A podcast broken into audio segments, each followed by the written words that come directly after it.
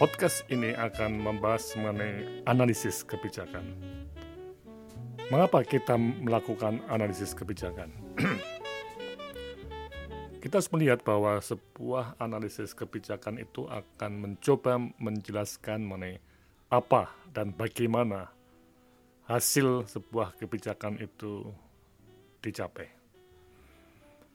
Analisis kebijakan jadi merupakan sebuah piranti untuk membuat gambaran juga atau model kebijakan di masa mendatang agar terjadi pelaksanaan yang lebih efektif.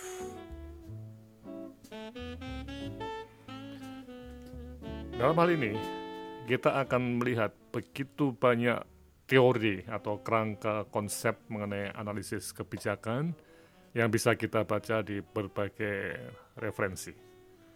Nah, di sini saya akan menggunakan referensi yang dipakai oleh uh, Walt and Gilson atau di pertama kali disampaikan di tahun 94 sudah lama juga ya.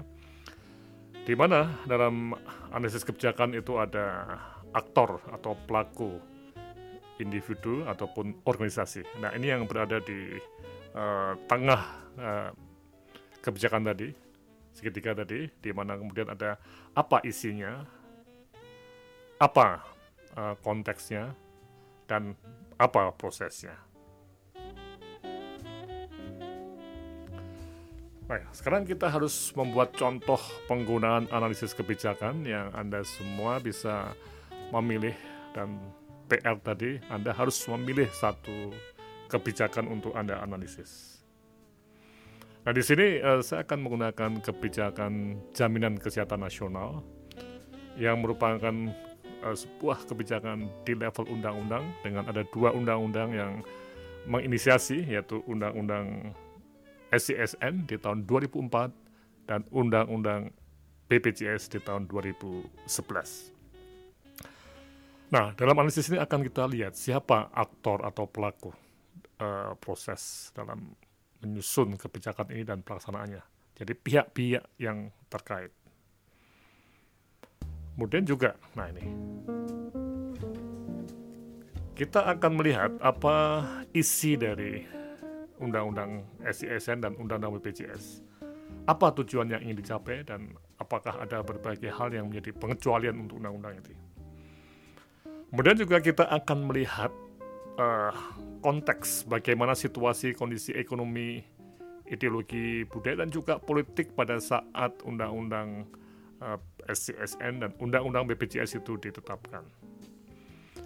Kemudian juga kita akan melihat uh, proses, jadi bagaimana undang-undang CKN itu disusun, apakah melalui proses yang menggunakan penetapan agenda, kemudian perumusan kebijakan yang baik dengan penetapan undang-undang, apakah dilaksanakan dengan benar? Dan tentunya adakah monitoring dan evaluasi yang uh, bagus untuk undang-undang SCSN dan undang-undang BPJS.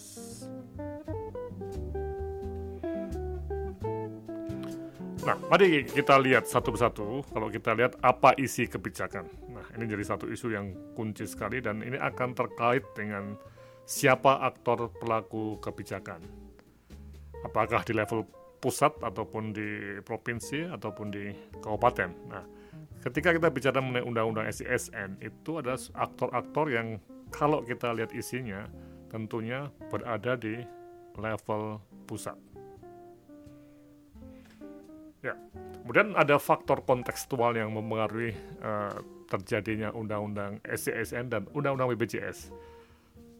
Tentunya adalah faktor situasional yaitu faktor yang tidak permanen atau mungkin terjadi pada saat terjadinya proses penyusunan undang-undang tadi.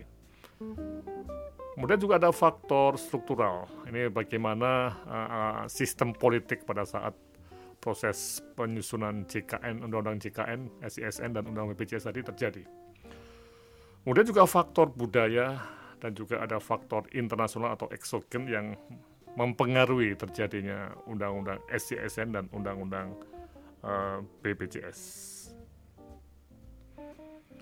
Dari sini kemudian kita akan masuk pada proses penyusunan kebijakan, mulai dari identifikasi masalah dan isu dalam setting agendanya, kemudian perumusan kebijakan, pelaksanaan kebijakan, dan monitoring serta evaluasi kebijakan. Nah, hal-hal inilah yang menjadi hal yang penting untuk kita pakai dan dalam analisis kebijakan tadi kita akan bisa menggunakan uh, pendekatan yang retrospektif ke belakang meliputi evaluasi dan monitoring kebijakan atau yang bersifat prospektif yaitu memberikan pemikiran strategis, advokasi dan lobby kebijakan. Inilah yang kita akan terus bahas dalam konteks memahami jaminan kesehatan nasional sebagai kasus yang akan kita bahas dalam uh, perkuliahan-perkuliahan mendatang. Sekian dan terima kasih.